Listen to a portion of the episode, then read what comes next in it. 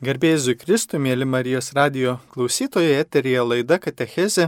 Ir šiandien kalbėsime apie temą, svarstysime, ieškosime suprasti geriau, kas yra ir kaip mums suvokti taip vadinamai šventosios dvasios krikštą. Šventosios dvasios krikštas šis terminas, kuris dažnai kartojamas mūsų aplinkoje, šiandienos bažnyčioje, dažniausiai charizminio atsinaujinimo tiek katalikų bažnyčios, tiek evangelinių ir sėkmininkiškų bažnyčių tarpe. Tačiau kartu tai yra atsinaujinimą arba mūsų norą padėti į vienos ar kitos grupės žmonių ar bendruomenių rėmus pranokstantis Dievo veikimo momentas. Taigi, kas yra šis šventosios dvasios krikštas? Koks yra jo santykis su visa bažnyčia su šventojo krikšto sakramentu, su sutvirtinimo sakramentu, šventąją Euharistiją ir visais kitais sakramentais. Ar jisai yra reikšmingas mūsų kasdienybėje? Ar mes turime jaustis kažką neturintys, jeigu kažkaip nepatyrėme ar neišgyvenome šventosios dvasios krikšto, ar mes mažiau krikščionis? Tokie klausimai, kurie kyla šiandienos ir paskutinio šimtmečio iš tikrųjų eiliai teologų, tiek katalikų, tiek kitų bažnyčių narių. Ir jie kelia ir svarsto šios klausimus. Taigi, šioje laidoje trumpai aptarsime, kas yra tas šventosios dvasios krikštas, iš kur jisai kilo, kaip jisai atsirado. Ir šį pasidalinimą noriu padalinti į keturias trumpas dalelės. Tai pirma būtų pasidalinimas apie asmeninę patirtį, po to būtų biblinis pažiūrėjimas, kas yra Biblijoje ši patirtis. Trečias - istorinis jo kilmė. Ir ketvirtas - tai būtų mūsų katalikų bažnyčioje patirtis šio veikimo, Dievo veikimo, šventosios dvasios veikimo. Taigi, pradedu nuo pasidalinimo patirties. Kodėl? Nes iš tiesų mūsų tikėjimas ir mūsų kelionė, kaip ir mūsų fizinė gyvenimo kelionė, jinai prasideda ne nuo supratimo, ne nuo pažinimo, bet nuo išgyvenimo. Juk kai mažas vaikas gimsta, jisai nesupranta, kas su juo dedasi, jisai turi gimimo patirtį. Jis turi atsiradimo šiame pasaulyje patirtį ir pamažu mokinasi suprasti, kame yra, kas čia dedasi, jis kartu yra išsigandęs ir kartu smalsus, kartu auga ir kartu mokinasi. Panašiai vyksta su tikėjimu žmogaus arba su žmogaus gimimu Dievui. Tai pirmiausia, tas gimimas, žinoma, asocijuojamas su Šventojo Krikšto sakramentu, bet taip kartu su atsivertimo arba susitikimo su Dievu, to santykio užmėsgymo momentu. Kartai žmogus gali būti pakrikštytas formaliai arba būdamas vaikas, bet augdamas neišgyventi to tikėjimo kaip savo savasties, kaip savo gyvenimo dalies. Todėl Dievo patirtis yra pirmiau nei jo pažinimas, pirmiau nei sužinojimas apie jį. Ir šitai įvyksta žmogaus išgyvenime, kada šventosios dvasios krikštą žmogus patiria, kas tai yra.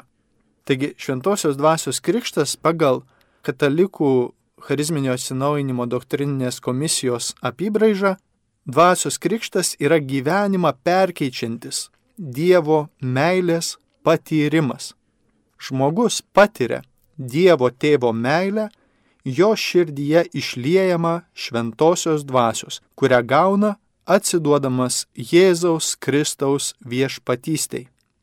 Atsidavimas Jėzus Kristaus viešpatystiai. Ir žmogus patiria tą Dievo tėvo meilę, jo širdyje, jo būtyje išliejama. Taigi, trumpai pasakant, tai yra išgyvenimas, kad Dievas yra ne tik toli esantis, kuriejas, virš visko visą valdantis, bet tas, kuris artimai pajuntamas, gal pajuntamas ne tas žodis, bet išgyvenamas esantis tavyje. Tai ne emocija, ne įsijautimas, ne dar kažkokia savisugestija, tai yra dvasinė patirtis Dievo artumo, kuri perkeičia gyvenimą. Kiekvienam ji ištinka savitai ir skirtingai kiekvienam žmogui. Taigi kas atsitiko mano asmeninėje patirtyje, tai irgi buvo šis Dievo prisilietimas arba užpildymas šventąją dvasę, kurį aš atpažįstu kaip kertinį lūžį mano gyvenime iš tokio paprotinio tradicinio kataliko, kai reikia retkarčiais nueinant į bažnyčią, būnant tokiu kaip ir veikliu bažnyčioje ir ateitininkijos veikloje dalyvavau ir dar su kitais tikinčiais draugais, kur turėjau tokią bendruomeninio taip pat gyvenimo patirtį krikščioniško, bet tai buvo daugiau tokia mano pomėgis su šitiem žmonėms bendrauti, būti, bet netikėjimo vedamas ir ne noro būti su Jėzumi vedamas tame buvau. Nebuvo intencijos melstis niekada pačiam. Niekada nebuvau meldęsis dėl to, kad štai aš noriu melstis. Visą laiką melsdavausi tik iš reikalo. Tai yra, kai žinodavau, kad kažkur reikia čia pasimelst, kiti sako, arba kažkur bendruomeniai būnant, asmeninės maldos nebuvo pas mane. Nebent kokia nors prietarinė tokia, ai gal poterėlį sukalbėsiu, nes sako taip reikia, ar ne?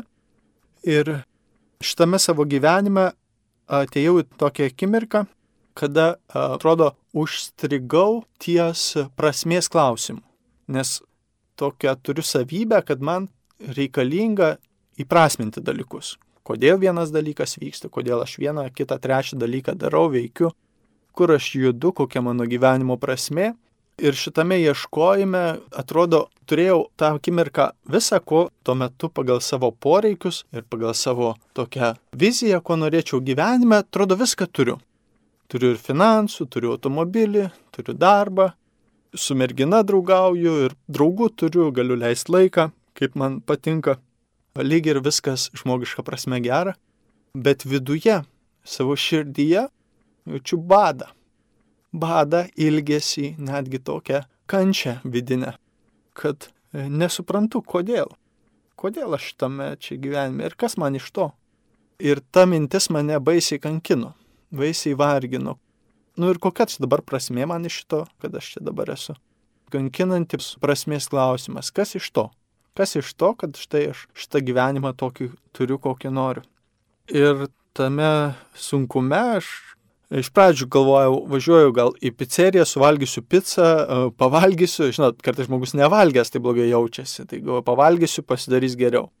Suvalgau pizzą, reiškia, atsipalaiduoju, atrodo, geriau bus, bet po to jaučiu vis tiek negeriau, dar blogiau. Gerai, važiuoju tada prie vandens, prie Kauno Marikų, nebuvau, gamtoje atsigausiu, gamta atgaivina. Aš nuvažiuoju, vaikštau prie vandens, nei ką negeriau, dar sunkiau tarsi ir tos mintys tokios sunkios vargina.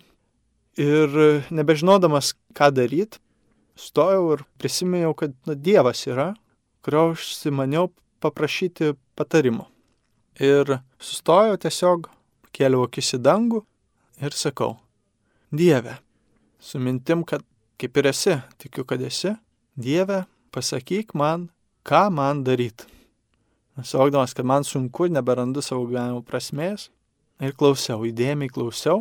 Niekad gyvenime nieko Dievo neklausiau asmeniškai, niekad jam taip nuo savęs nesimeldžiau, bet dabar su tikėjimu tiesiog jam prašiau ir galvoju, kažkokiu būdu man prabils. Aš išgirsiu jį. Tikėjau, kad Dievą išgirsiu tą akimirką ir klausau įdėmiai. Ir staiga girdžiu, kad nieko negirdžiu. Tai yra spenginti tokia tyla. Tylu, tylu, nieko negirdžiu, nei jokio balso, nei jokio dievo kalbėjimo. Na ir galvoju, nu ką, negi dabar aš čia toks žemės žmogelis paprastas ir Dievą paklausiu ir man čia Dievas jums kalbėti. Nu šventiesiems kalba dar kažkam. Nu ir gerai galvoju, reiks kažkaip gyventi toliau. Tada staiga ateina tokia mintis, automobilį, taigi turiu alkoholinių gėrimų, butelaitį galvoju, reikia kažkaip tą nervą užmušt, nuramint. Tai čia jau suprantu, kad čia jau piktoji dvasia prisartino, kaip ramybės ieškoti. ir atsisėdu, atsidarau ir tada toks irgi galvoju, nu bet dabar išgersiu, tai kas bus? Tai tada vairuoti nebegaliu, arba vairuoti, jeigu policija sustabdys. Ir susinervinau, kad tokioje situacijoje ne, nepaliksiu automobilio prie marių, nevažiuosi namo, iškiai ten palikęs. Tai tiesiog iš to tokio siuto ant savęs išmečiau į vandenį tą visą butelaitį. Tada vėl atsisėdu į automobilį ir žiūriu, įsivaizduoju, toj daiktadėžiai po to butelaičių šventasis raštas. Oba, geras, kaip jisai, pala, ajo, čia iš kažkur gavau, kažkas davė, įsidėjau automobilį. Tikriausiai tam, kad, na, Dievas saugotų. Taip įsivaizduodamas, kad jeigu šventą raštą vežiosios, tai Dievas saugos. Kaip prietaras, ar ne, buvo. Ir atsiverčiu tenais pažiūrėti, ką ten rašo. Pažiūrėsiu, ką ten rašo, nes sako, kad ten Dievo žodis. Ir atsiverčiu, pamačiau, kad dešimt skaičius, ten šimtas skyrius taip išeina. Ir skaitau, gabaliuką perskaičiau ir nei žodžių nesupratau. Ne vieno žodžio. Kažkas apie paštalus, kažką ten Jėzus kažką veikia, kažką daro, kažką liepia, kažkur kažką. Galvoju, ai čia turbūt protingiem parašyta. Aš tai nesigaudau tokiuose dalykuose. Ir padėjau tą šventą raštą, paskaitęs tą gabaliuką. Ir galvoju, užteks, važiuoju, kiek galima. Ir tik jau pradėjau važiuoti ir staiga išgyvenu, kad važiuodamas turiu visišką, visišką ramybę. Visišką tokią mane pranokstančią gelmę manyje atsiradusią. Dangų manyje. Prieš tai atvažiuodamas aš keikiau viską pailiui ir daužiau rankas į vairą keikdamasis, atvažiuodamas prie tų Kauno Marių iš to sunkaus apimančio tokio depresinės nuotaikos kone. Ir staiga važiuoju ir manie dangus. Visiška ramybė, palaima, kaip dabar atsimenu, net nuostaba, nuo visko džiaugsmas, net nuo to, kad kvepuoju. Džiaugiuosi, kad kvepuoju, koks džiaugsmas, kad kvepuoju. Nuo visko džiaugsmas. Ir viską myliu, viskas gražu, viskas nuostabu. Tas tamsus pasaulis, kurį ką tik mačiau, staiga tapo labai labai nuostabus ir labai labai gražus. Ir nesuvokiu, kas atsitiko, kodėl staiga manyje dangus. Kodėl šitaip? Kas atsitiko? važiuoju ir negaliu patikėti, kad šitaip staiga. Ir bandau prisiminti, kas čia dabar išprovokavo šitą man išgyvenimą, ne? Tai kad aš melžiaus Dievui, ką man daryti, tada kažkaip atsidūrė tas Dievo žodis mano rankose ir gabaliuką ten perskaičiau kažką. Susirdau tą pačią vietą, tai mato Evangelijos dešimtas skyrius, kur Jėzus siunčia savo mokinius, paštalus į pasaulį, eikite ir skelbkite, jog prisiartino dangaus karalystė gydykit ligonius, išvarnėkite demonus, apvalykite raupsuotosius, neškit mano ramybę kiekvienam, dovanai gavote, dovanai duokite. Ir pamenu, sutrikau tą perskaitęs, tai ką perskaičiau prieš tai nesuprasdamas, dabar jau taip įdėmiai ir galvoju, oho, tai dabar man eit demonus išvarinėti, ligonius gydyti, tai kaip čia, čia nebent kunigai tą daro, aš tai kunigu vis tiek niekada nebūsiu tai čia susiję ne tik su kunigystė, bet su kiekvieno pašaukimu šitoje vietoje, nes visi esame Jėzaus mokiniai ir tai galioja šita vieta visiems mokiniams, nesvarbu ar būtų kunigystės ar šeimos kelias, tas bendras pašaukimas. Tai aš visiškai nesuvokiau, tai kaip man dabar reiškia tos ligonius gydyti, nes, nu bet pasakiau Jėzau, jeigu tu čia tai sakai, tai aš sakau gerai, gerai, bet tu ir parodyk, tu pats ir, na, man čia atrodo per daug šitoks dalykas, toks intimas. Bet ta patirtis, kad staiga aš išgyvenau Dievą esantį manyje, jis pripildė mane visą visą ramybę ir džiaugsmu ir šviesa. Kaip sakau, tarsi kas kokį galingą prožektorių man į širdį būtų įdėjęs ir nuo jo viskas viduje pasidarė šviesu. Paskiau antrą kartą viešpats pripildė ir ugnimi tarsi uždegė, kai kitam žmogui ėmiau skaityti šventą raštą žinot, tokia mintis atėjo.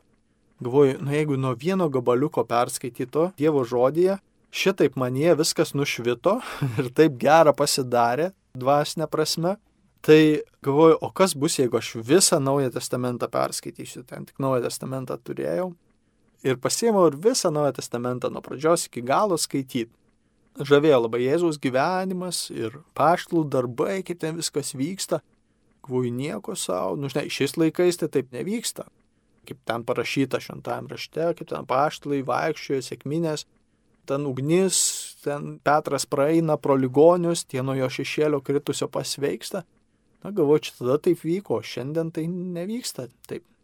Ir štai, kai kitam žmogui vien ėmiau ir ten su Dievo tokias savita stebuklingai, taip parama, prabilau apie Jėzų, ta pati ugnis tokia užsiliepsnojo manyje, kaip ugnis iš aukštybės, kalbėti apie Jėzų, kalbėti apie tai, koks jisai geras, koks Jėzus yra geras. Ir trečią kartą bendruomenėje viešpas dar. na, uždegė ugnimi ir dar charizmų parodė, kad charizmos, šventosios dvasios dovanos yra tarnavimui. Tarnavimui bendruomenė ir jas ir man viešpats davė. Ne tik duoda kitiems, vadinamiesiems charizmatams, necharizmatams, šventiesiems, per kuriuos viešpas labai ten veikia, bet kiekvienam Dievas duoda tam tikrų dvasinių dovanų tarnavimui kitiems. Taigi ta patirtis ir kartu ieškojimas, kaip pažinti, kaip suprasti. Na, iš esmės buvo pastumėjimas į kitokį žvilgsnį, kitokį išgyventą tikėjimą, patirtą tikėjimą Dievą, kuris yra gyvasis. Ne tik apie kurį žinau, bet tas, kuris yra gyvasis, kurį susitinku, su kuriuo kalbuosi, žinodamas, kad jis mane girdi ir nesvarbu, ar aš jį jaučiu ar ne, kitą kartą būna visiška tamsa, visiškas sunkumas ir dar ką nors. Bet tas pasitikėjimo ir atsidavimo jam, viešpatie visas tau save atiduodu. Tokia ir buvo tada mano malda visada. Viešpatie atiduodu tau save, savo iš to žmonės, kuriuos šiandien susitiksiu, viską pavedu tau, tegul mano gyvenimas būna tavo gyvenimas, noriu būti su tavimi ir pagal tave. Ir prasidėjo labai konkretus ėjimas su Jėzumi toliau.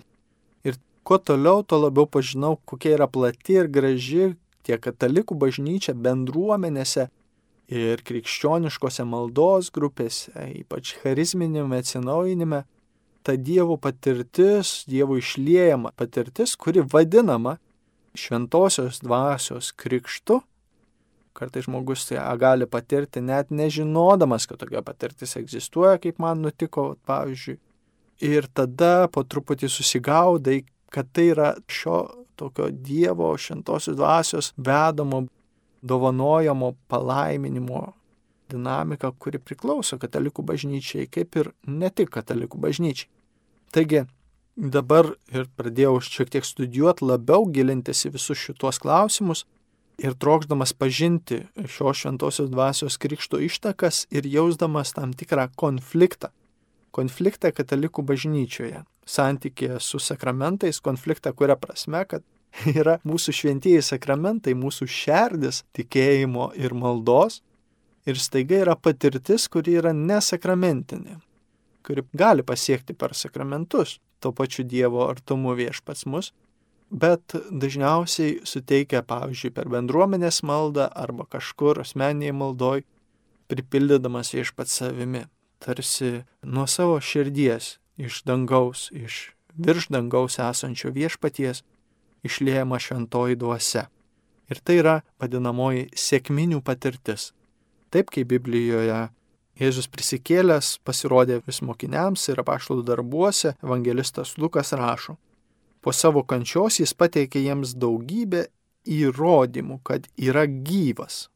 Miręs ir prisikėlęs Jėzus pasirodęs daugybę įrodymų, ne, tai reiškia daugybę kartų pasirodė iki žengimo į dangų kad yra gyvas per 40 dienų jiems rodydamasis ir aiškindamas apie Dievo karalystę. Kartą, bevalgant prie bendro stalo, liepė jiems nepasišalinti iš Jeruzalės, bet laukti tėvo pažado, apie kurį, tarė jis, esate girdėję iš manęs. Mat Jonas krikštijo vandeniu, o jūs po kelių dienų būsite pakrikštyti šventąją dvasę. Jonas krikštijo vandeniu, o jūs po kelių dienų būsite pakrikštyti šventąją dvasę. Mokinėjame klausinėt, gal tuo metu viešpatė atkursi Izraelio karalystę. Jie tikėjusi tą tokios Izraelio valdžios pasaulyje. Jis atsakė, ne jums žinoti laiką apie laiką ir metą, kurio tėvas numatė savo gale. Bet kai ant jūsų nužengs šventoji dvasia, jūs gausite jos galybės ir tapsite mano liudytojais Jeruzalėje ir visoje Judėjoje bei Samarijoje ir lygi pat žemės pakraščių. Taigi šio pažado Jėzus žada, jog būsime pakrikštyti šventąją dvasę, ne tik vandeniu ir krikštu, bet ir šventąją dvasę, tai yra asmeniniu išgyventų šventosios dvasios ateimu ir suvokimu, kad esame suvienyti su Kristumi Ir kas atsitiks, jūs gausite šventosios dvasios galybės ir tapsite mano liudytojais, Jėzus sako. Taigi šventoji dvasia mums suteikia galybę. Galybę srūvančią iš Jėzaus. Žmogus pats yra silpnas. Žmogus pats yra labai menkas silpnas ir neturime galybės iš savęs. Dievo galybė yra jo stiprybė mums suteikiama ir ta galybė, kuri plaukia iš paties tėvo širdies. Meilės galybė, gydanti galybė. Negale užgošti, nurungti, laimėti prieš kitus, konkurencinė dar kokia, kaip pasaulio valdžios gale, bet gale tarnauti. Šventoji dvasia įgalina, Dievo žodis mums kelbė, kad šventoji dvasia įgalina priimta tarnauti, ypač nešant paguodą tiems, kurie prislėgti, gydimą, kas sužeista, tiek sielose, emocijose gydimo, tiek fizinio gydimo iš lygų, galę išlaisvinti Jėzaus vardu iš priešo, puolimų ir priespaudos, galę tarnauti ir pasilenkti prie labiausiai suvargusių ir sunkumus patiriančių. Taigi galę mylėti taip, kaip mus myli Dievas ir rūpintis, tarnaujant. Tokios galios viešpats suteikia mokiniams ir virš visko liudijant Jėzų. Liudijant, kad ne mes patys išmokome ir esame labai dorybingi, dori, geri katalikai, todėl Dievas mums atlygina bet esame nusidėjėliai, kurios Jėzus išlaisvina iš nuodėmės, iš įdų. Patys esame iš vargo bedugnės ne tik pakilę, bet nuolat keliami ir dar parpuolantis ir atgailaujantis ir vėl žengiantis. Todėl pasitikime ne savo pastangomis ir net ne savo maldingumu, kaip sako Paštalas Petras ir Jokūbas. Paskutiniais laikais gali atsirasti daug tariamo pamaldumo, kuris remiasi išmokta išmintimi Jėzus sakyta, kuri tarėsi būsė išklausyti dėl savo maldų gausumo, ne dėl Dievo maloningumo. Ir štai šintoji dvasia įgalina būti Dievo nešėjais ir Dievo liudytojais iš jo malonės, iš jo gailestingumo ir liudyti jį su visais tais charizminiais ir kartais labai paprastais, žmogiškais tarnavimo ir kartais vien šypsena kai kurie šventieji, pavyzdžiui, motina Teresė, kaip jinai būdavo pati baisioj tamsoj, kančioj viduje, tokioj maloniai neišgyventoj, bet Dieve. Net būdavo pažvelgdavo, nusišypsodavo žmogui ir žmogus pažvelgęs į motiną Teresę, staiga savo viduje patirdavo Dievą. Taigi Dievas naudoja mus kaip tarpininkus savo malonę dalintis. Ir čia reikia tos ir dalies kantrybės ir aukos dvasios, į kurią viešpats mus mokina, tarnauti kantriai ir nešti jį su nuolankumu, su nusižeminimu netgi esant atstumtam, nepriimtam ir žengti į priekį nuolankiai, bet pasitikint Dievo galybę ir suvokiant savo silpnumą, juk esame labai žmogiški ir todėl esame labai riboti. Ir maldos kelyje nesame maldos almanachai kažkokie, kurie mokome, štai išmokome melstis. Jau mokome rožinį melstis, kuris yra labai nuostabi Dievo dovana, jau mokome litanijas, skaityti dar kitas maldos formas, vis mokome. Ir kartais atsitinka, kad štai jau moku melstis, jau žinau, kaip Dievui melstis. Ir man buvo irgi tokia viena karta patirtis, kad jau galvoju, jau dabar žinau, susistačiau savo grafiką čia rožinį melžios, čia litanijas melžios ir pas mane bus tvarkingai. Žinau, kaip melstis. Ir labai greitai Dievas parodė, kad nepajėgiu pats melstis ir man reikia jo. Man reikia jo malonės ir jo vedimo kiekvieną kartą. Būti mažu. Pripažinti, kad esu neįgalus. Tai nėra metodas. Malda nėra metodas, jį kyla iš šventosios dvasios. Tegul ir kartojant žodžius, pavyzdžiui, kokie galestingumo vainikėlį. Ir ne mes kartojam žodžius, tarsi juos lūpomis tariame, bet mūsų pasitikėjimas nekyla iš to, kad mes pasimeldėm ir dabar todėl įveiks tai, bet pasitikim Jėzaus širdimi, pasitikime šventosios dvasios veikimu ir jo laimėjimu mūsų sielų ir mūsų gyvenimų savo kurią jisai atpirko ant kryžiaus savo begalinę auką, savo begalinę meilės išlietų krauju. Ir todėl laiške romiečiams Paštas Paulius sako, visi vedami Dievo dvasios yra Dievo vaikai. Jūsgi esate gavę nevergystės dvasę, kuriame mes jaučiamės tarsi prievolėse, kurias turime vykdyti. Ir bijodami, kad busim baudžiami, kad nevykdysim. Jūs esate gavę nevergystės dvasę, kad ir vėl turėtumėte bijoti, bet gavote įsunystės dvasę, kurioje šaukiame Abba, tėvę. Ir pati dvasia liudija mūsų dvasiai, kad esame Dievo vaikai, o jei esame vaikai, tai ir paveldėtojai.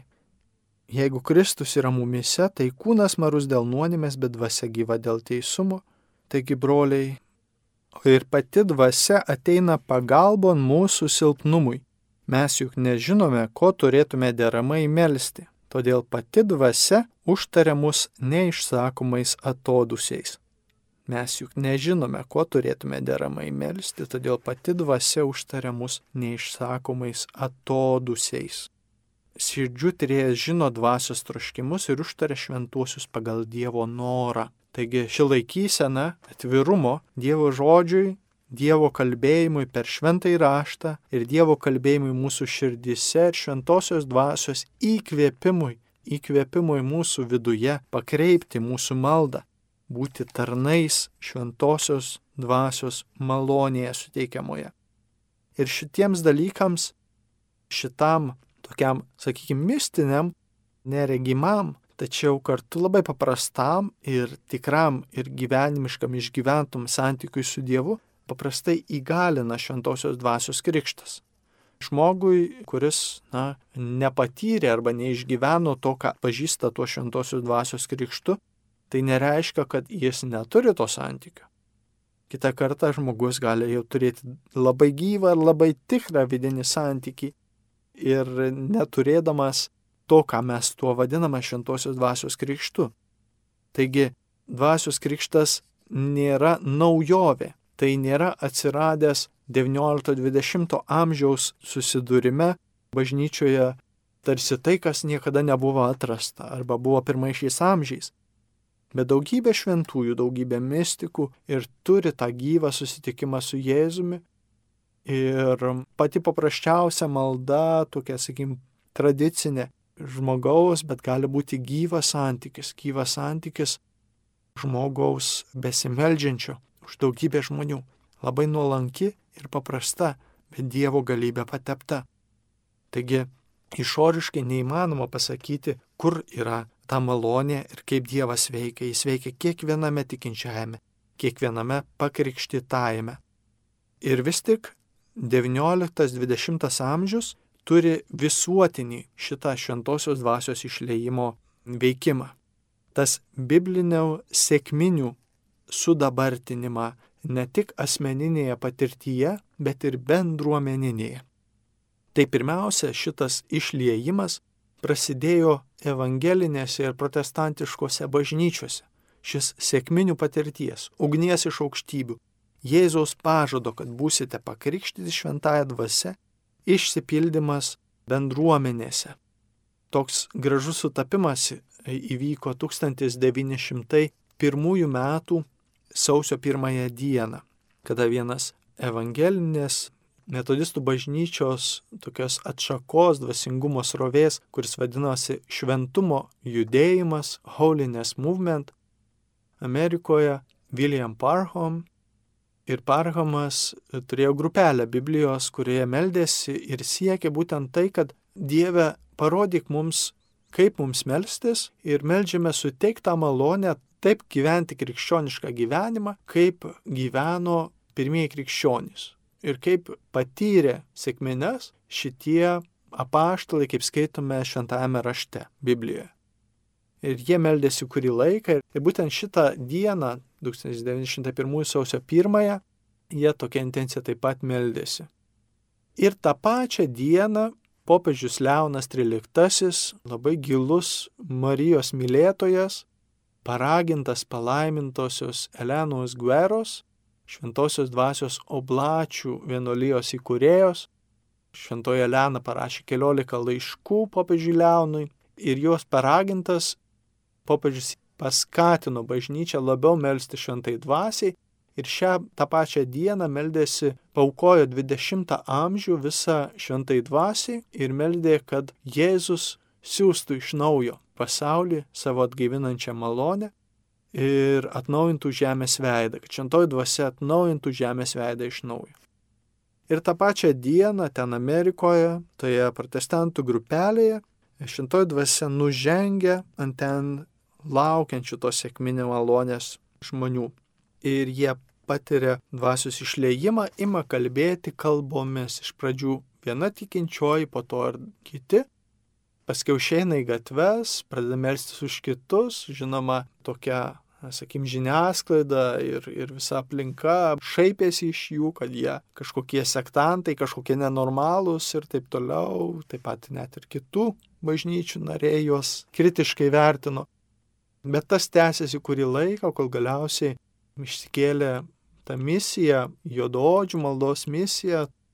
Tuo metu Amerikoje jie buvo na, tokie antrarūšiai, tuo metu 20 amžiaus pradžioje Amerika, kada juododžių teisės buvo suvaržytos ir ten nužengė iš naujo šantoji dvasia su jėga, tokios Azūsos gatvės susirinkime ir per tai pradėjo ta malonė plisti į visą pasaulį. Ir galiausiai gimė sėkmininkų judėjimas ir iš to susikūrė ir bažnyčios denominacijos, vadinamieji klasikiniai sėkmininkai. Ir paskiau tas sėkmininkų klasikinių judėjimas išsiplėtė į ekumeninius sėkmininkus, kurie pripažino, kad šventoji dvasia yra skirta kiekvienam ir šventosios dvasios krikštas, kurį jie patyrė toje savo išgyventoje Dievo artumo patirtyje ir kalbų dovana, kuri suteikta ir pranašavimo, ir gydimo, ir išlaisvinimo, visos kitos dovanos. Ir tai yra šerdis šio judėjimo, kuris kartu yra kaip paskiros bažnyčios atsiradusios. Jie pradėjo pažinti, kad Dievas nori ir skiria šią malonę visiems. Buvo vienas iš tų sėkmininkų tokių tarnautojų iš Pietų Afrikos Respublikos, vadinamasis Mr. Pentecost, arba jo prancūziška pavardė David Duplezi. Ir jisai gavo įkvėpimą, kad Dievas nori nešti visiems istorinėms bažnyčioms tą patį atsinaujinimą, kuris nepriklauso sėkmininkams, bet yra skirtas kiekvienam. Jis tuo nelabai tikėjo iš pradžių pats asmeniškai, nes jam atrodė, kaip ir daugeliu tų klasikinių sėkmininkų, jog katalikų, ortodoksų ir liuteronų ir kitos istorinės krikščionių bažnyčios yra praradusios šventą dvasę, neturinčios jų. Ir tada jisai pradėjo melstis toliau, kad Dievas įrodytų, kaip jam toliau tą atpažinti ir tuo gyventi, kuo iššaukia Dievas jį tarnavime. Ir galiausiai David Duplezi, dar vadinamas tiltų statytojų tarp bažnyčių, pontifex, kaip mūsų popiežius vadinamas, tik tai, sakykime, evangeliniai bažnyčiai, Ir jis priėmė visus krikščionis, visus katalikus kaip na, Dievo žmonės. Ir pamatė, kad Dievas yra su kiekvienu, ir su katalikais, ir su ortodoksais, ir su kitomis bažnyčiomis. Katalikų bažnyčia net jam suteikė, na, ir tokio įvertinimo, prieimimo, garbės titulus, kurios protestantų paprastai bažnyčios nariai juos išsigina visiškai, nes visa garbė vien Dievui priklauso ir dalyvavo antrojo Vatikano susirinkimo buvime ir su daugybė ir kardinolų ir visų kitų Davidų Plezy kalbėjo. Ir jis buvo už tai labai smerkiamas ir kritikuojamas pačių sėkmininkų ir protestantų, kurie, na, matė jį kaip išdaviką, kuris eina pas kitus. Taip pat ir kiti šitie ekumeniški sėkmininkai ir evangelikai, na, buvo tokiame atvirume ir tie tiltai plėtėsi. Galiausiai katalikų bažnyčioje vieno universiteto Amerikoje studentai ir profesoriai susirinkę rekolekcijom adoracijos metu taip pat meldėsi šventosios dvasios išliejimo. Meldė, kad Dievas sudabartintų ir, ir atnaujintų tą dvasę, kurią turėjo paštalai jų tarpe. Ir kai jie meldėsi, šito, šito dvasia nužengė ir ant jų. Jie taip pat ėmė kalbėti kalbomis, pranašauti, vienos iš ten dalyvavusių liudijimų, tai įvyko, kai jinai prašė, kad atnaujintų jai viešpats sutvirtinimo sakramentų gautasias malonės. Taigi tas dvasios išleimas, kuris įvyko tenais toje adoracijos akimirkoje katalikams, tapo katalikų charizminio atsinaujinimo versme, to dvasios krikšto patirties, kuri taip pat išsiplėtė į visą pasaulį. Ir iki šios dienos daugybė žmonių, daugybė katalikų yra paliesti šios išgyventos Dievo artumo patirties, kurią vadinama šventosios dvasios krikštu, kurią patyrė protestantai ir evangelikai, ir dalis ortodoksų, ir dalis katalikų, ir jie, teologai šio laikmečio, atpažįsta, kad ši patirtis nėra priklausanti arba sukurta kažkurios iš krikščionių atšakos, bet yra bendra kiekvienam ir prieinama santykėje su Dievu betarpiškai, santykėje su Jėzumi betarpiškai. Ir nepriklauso nei katalikams, nei kažkam kitam. Ir kartu priklauso visiems. Kartu yra visų dalis. Taigi tai yra ekumeninė malonė, skirta kiekvienam Kristų išpažįstančiam savo denominacijai, krikščioniškai konfesijai esančiam. Ji yra biblinė ir yra apaštališka patirtis, kurią viešpats duoda ir suteikia tam tikrų būdų atnaujinimą mūsų paskutinėme laikmetyje. Ir mastai pasaulinių statistinių lygmenių yra milžiniški, kuria prasme. Tai, kad sėkmininkų judėjimas arba tas, na, kaip konfesijos jų, kurie meldžiasi ypatingai visų, kuo atsirėmė į šventosios dvasios krikšto malonę ir Jėzaus išpažinimą, ir savo širdies ir gyvenimo paukojimą Jėzui, asmeninių ir tiesioginių santykių. Tokia yra jų kiekvieno malda ir visas pamatas. Nelabai sėkmininkai priima bet kokių religinių formalių maldos būdų, kaip pavyzdžiui katalikiškos šventos mišios arba kokios nors maldos formos kaip rožinis, jiems yra tik betarpiškas santykis. Bet jų narių šiuose bažnyčiose ir judėjimuose pasaulyje didėja eksponentiškai. Labai labai greitai ir labai daug. Tai dabar visas sėkmininkų judėjimas ir bažnyčios, jos yra antros pasaulyje pagal skaičių žmonių priklausančių ir tyrėjai, teologai ir kiti mato, kad akivaizdu, jog ateis laikas, kada bus daugiau negu katalikų, kad tai bus pirmoji pasaulinė denominacija. Ir tarsi Dievas sako, kad vyksta kažkas daugiau, ko mes nepajėgiame suprasti. Ir taip pat ir katalikų tarpe charizminio atsinaujinimo narių, tai yra tų, kurie skelbia ir neša šią patirtį, daugėja labai greitai. Ir turime pažvelgti ir kritiškai, tai yra konstruktyviai kritiškai.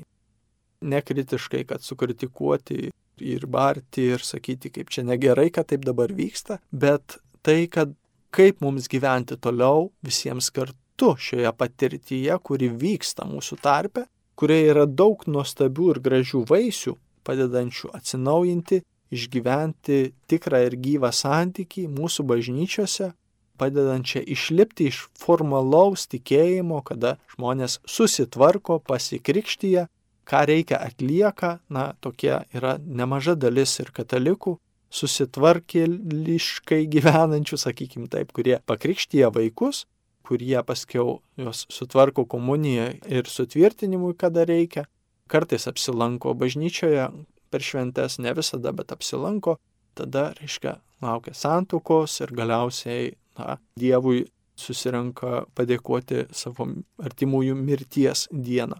Ir tai, kas privalu, tai, kas, sakykim, tai pagal tradiciją privalu. Bet neišgyvena to, kad Jėzus yra mūsų gyvenimo viešpats, kuriam esam pašaukti atiduoti viską ir iš kurio priimti gyvenimą su jo pilnatve. Ne tik mūsų rūpeščiuose gyvenimuose mums padedančio, bet dvasinę palaimą pripildančio ir padarančio mus autentiškais jo Dievo gyvenimo nešėjais taip pat. Tad ši patirtis atgaivina mūsų katalikišką tikėjimą ar mūsų katalikišką gyvenimą. Ir maždaug apie 15 procentų katalikų yra jau paliesti šios malonės rovės ir prieš du metus popiežius Pranciškus įsteigė Haris tarnystę, tai yra katalikų charizminio atsinaujinimo tarnybą, tarnystę skirtą visam pasauliui ir ryšyje su ekumenėmis bažnyčiomis atpažindamas, kad ši jau milijoninius skaičius lenkianti, tikrai didelė malonės veikimo srovė pasaulyje, yra svarbi bažnyčioje. Šitam Haris tarnybai popiežius Pranciškus davė užduotį, daugybę užduočių, ten keliolika užduočių davė pagal nuostatas tos atstovybės. Pirmoji yra skleisti šventosios dvasios krikštą, jos malonę kiekvienam bažnyčiai. Kiekvienam. Taigi žmonės turi dalį ir tarnaudami vienas kitam, melzdami, kad Jėzus pakrikštytų mus šventąją dvasę. Mes negalime nei vienas pakrikštyti kito šventąją dvasę. Netgi sakramentai tą sako, jie veikia mūsų bendruomenės gale susirinkus, priimant iš Dievo galios. Tai tik viešpats, tik Jėzus mus padaro tų sakramentų patiriančius vaisius. Ar tai būtų sutaikinimas ar ne. Būna kunigas, kuris yra viešpaties pašauktas ir tarnauja sutaikinimo sakramente pagal Jėzaus įgalinimą imkite šventą dvasę, kam atleisite nuodėmės, tiems jums bus atleistos. Taigi šią galę viešpas pasidalino su apaštalais ir vyresniaisiais, suteikdamas jiems tą galę. Bet štai, kai kunigas klauso iš pažinties ir kai atėjęs žmogus su taikinimo sakramentu išpažįsta Jėzui savo nuodėmės, tai tik Jėzus atleidžia. Kunigas yra toks tarpininkas, išklausantis kaip ir būtina dalis, bet pats sakramentas veikia gale iš Jėzaus. Tik viešpats yra tas, tik dangiškasis tėvas yra tas, kuris panaikina egzistenciškai žmogaus viduje tą nuodėmę. Niekas neturi tos galios, jinai srūva iš paties Dievo gelmės. Tai panašiai ir šventosios dvasios krikštas, jį esame pašaukti dalintis melzdami ir laukdami viešpatie atnaujink mumise savo stebuklus, savo veikimą, tas sėkmines, kurias suteikė apaštalams, tas sėkmines, kuriomis apaštalai uždegti drąsiai stojo su Petru prieš akiją ir liudijo, tas Jėzus, kurį nužudėte, prisikėlė ir yra gyvas. Jis ir šiandien daro tuos darbus ir stebuklus. Jis ir šiandien yra mūsų gyvenimo viešpats. Šitai skelbėme, šitai išpažįstame. Viešpatie atnaujink šitą mumise sėkminių patirtį, šitą tikrą gyvą santyki su tavimi ir padaryk mus liudininkais, ką tu Jėzau jau padarai mūsų gyvenime, iš ko mus išvadavai ir kokią mums prasme suteiki, kokį buvimą mums duodi šiandien mūsų tarpe, tos sėkminės te tampa gyvos ir tikros. Būtent šitai yra ta malonė, ta suteikta dovana iš Dievo. Ir jai esame pakviesti atsiduoti su visu atsakingumu ir laisvę priklausyti Jėzui kaip jo mokiniai, kaip dangiško tėvo mylimieji vaikai. Taigi ši dovana, kurią popiežius Pranciškus kviečia dalintis su kiekvienu mūsų gyvenime. Gyvas ir tikras Jėzus, prisikėlęs, veikiantis mūsų tarpe, šventosios dvasios artume, tame santykyje. Jeigu klausime recepto, tai recepto nėra. Žinai, nueik pas tą, padaryk šitai ir gausi šitą dovaną. Pirmiausia, labai sąmoningai suvokime, šventuoju krikštu jau esame Dievo nusavybė, jo rankose, Jėzaus Kristaus kūno nariais padaryti tapę. Sutvirtinimo sakramentu kiekvienas katalikas yra gavęs jėgą iš aukštybių, šventosios dvasios sėkminės yra įspaustos mūsų sieloje ir gyvos, tikras. Esame šventosios dvasios suvienyti, taigi nesame našlaičiai, esame jau apdovanoti. Tik jeigu viešpatie matai, kad kažkur užsnūdome, net pažinome, nesuvokėme savo identiteto, kad tavo vardu galime žengti į priekį drąsiai, kad net demonai mums paklūsta dėl tavojo vardo, ir turime tą autoritetą, kuris nekyla iš mūsų, bet iš tavo kryžiaus ir prisikelimo galios mums suteiktos, kad tavuoju vardu galime daryti stebuklus, būti liudininkai mūsų rankomis tavęs veikiančios. Taigi viešpatie, parodyk mums, jog esame gyvieji akmenys, tai yra gyvi tavo bažnyčios kūno nariai, per kuriuos tu lieji ir statai mus tos dvasios gale. Padaryk iš naujo tavo sėkmines, gyvas ir tikras mūsų visų tarpe atpažinti tave gyvą ir esantį sakramentuose, bažnyčioje ir mūsų asmeninėme santykėje. Viešpatie, tegul išsipildo tai mūsų gyvenimuose. Tai ši katechezė. Trumpa apžvalga. Kas yra šventosios dvasios krikštas, kaip jį suprasti, jo kilmė keliais akcentais apžvelgta šioje laidoje. Tad, mėlyjeji, tikiu, praplėtė žvilgsnį ir tikrai padrasino. Drąsiai galite pakelti galvas ir dangiškam tėvui ištarti. Viešpaties Jėzaus vardu priimu dangiškasis tėvė tą šventąją dvasę, kurią suteikiai apaštalams, tegul tavosios sėkminės, sėkminių dovana būna atnaujinta, gyva, vis labiau gyva mano, mano artimųjų tarpe. Liekis šventoji dvasia ugnimi iš aukštybių.